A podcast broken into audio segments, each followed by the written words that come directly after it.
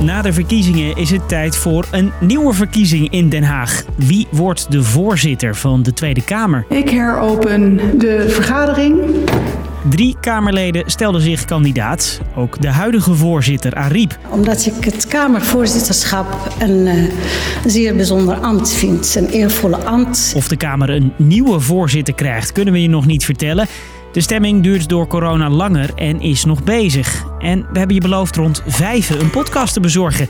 Dat neemt niet weg dat ik je wel kan vertellen wat de baan precies inhoudt. Dit zegt oud-voorzitter Gerdy Verbeet erover. Veel mensen denken van nou ja, je drinkt een beetje koffie en je zwaait met die hamer en dan komt het wel goed, maar zo is het niet. Waarom is de functie van Kamervoorzitter zo belangrijk?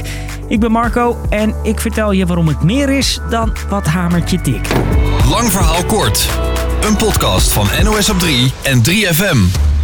Wilt je stoppen als ik aan het woord ben? Even een klein beetje respect. Respect voor de functie van voorzitter. Nee, ik wil nee, nee mevrouw Thieme, nee, voorzitter. Nee, voorzitter, mevrouw Thieme, gedurende... Voorzitter, mag ik hier meteen een vraag bij stellen? Nee, nee, echt niet. Jawel, want nee, deze... Nee, mevrouw Halsema, als ik zeg nee, is het nee.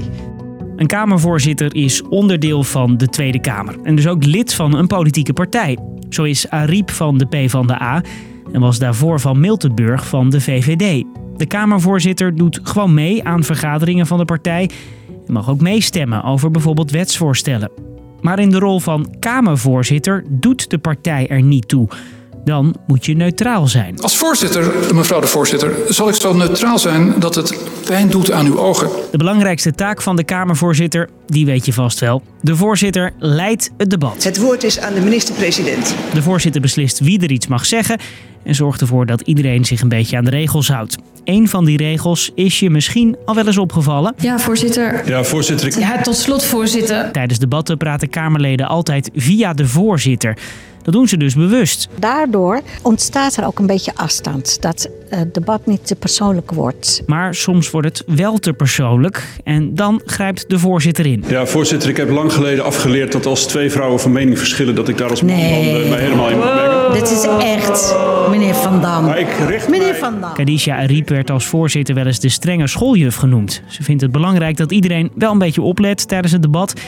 En dus niet steeds op zijn of haar telefoon zit. Zouden besluiten, stel dat we de bedragen Meneer zouden hebben, dan gaat het keer proces als neem geheel de telefoon in beslag. Oei. Maar de Kamervoorzitter heeft niet alleen een belangrijke rol tijdens het debat. De voorzitter gaat ook over de agenda.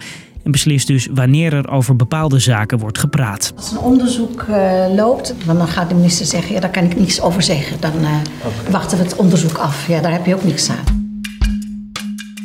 De Kamervoorzitter moet dus neutraal zijn, maar kan wel een eigen invulling geven aan de baan. Zo zei Ariep dat ze als Kamervoorzitter wil zorgen voor meer openheid.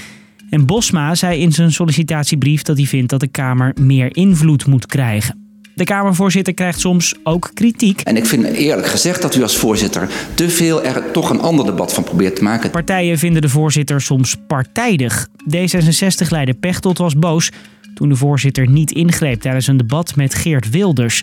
Hij noemde de Kamer toen een nep-parlement. Ik vind dat de voorzitter, die een hele, nou ja, laat maar zeggen, afstandelijke manier van voorzitter heeft, hier echt een fout heeft gemaakt. En Van Miltenburg stapte zelfs op als Kamervoorzitter nadat de Tweede Kamer boos was omdat ze een brief met gevoelige informatie over een partijgenoot niet naar de Kamer stuurde, maar vernietigde.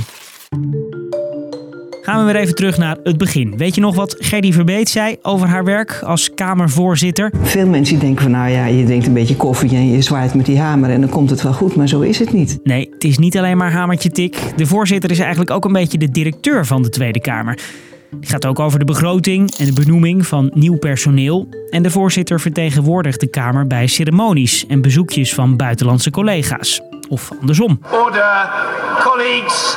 Khadija Arib, the president of the Dutch House of Representatives, is joining us in Parliament today. Oh, en misschien ook wel belangrijk: de Kamervoorzitter gaat ook over de lunch. Er moet ook gegeten en gedronken worden in de Tweede Kamer. In, in mijn tijd waren het uh, iedere dag zo'n 1500 lunches. Dus, lang verhaal kort. De Kamervoorzitter heeft een belangrijke rol in de Tweede Kamer.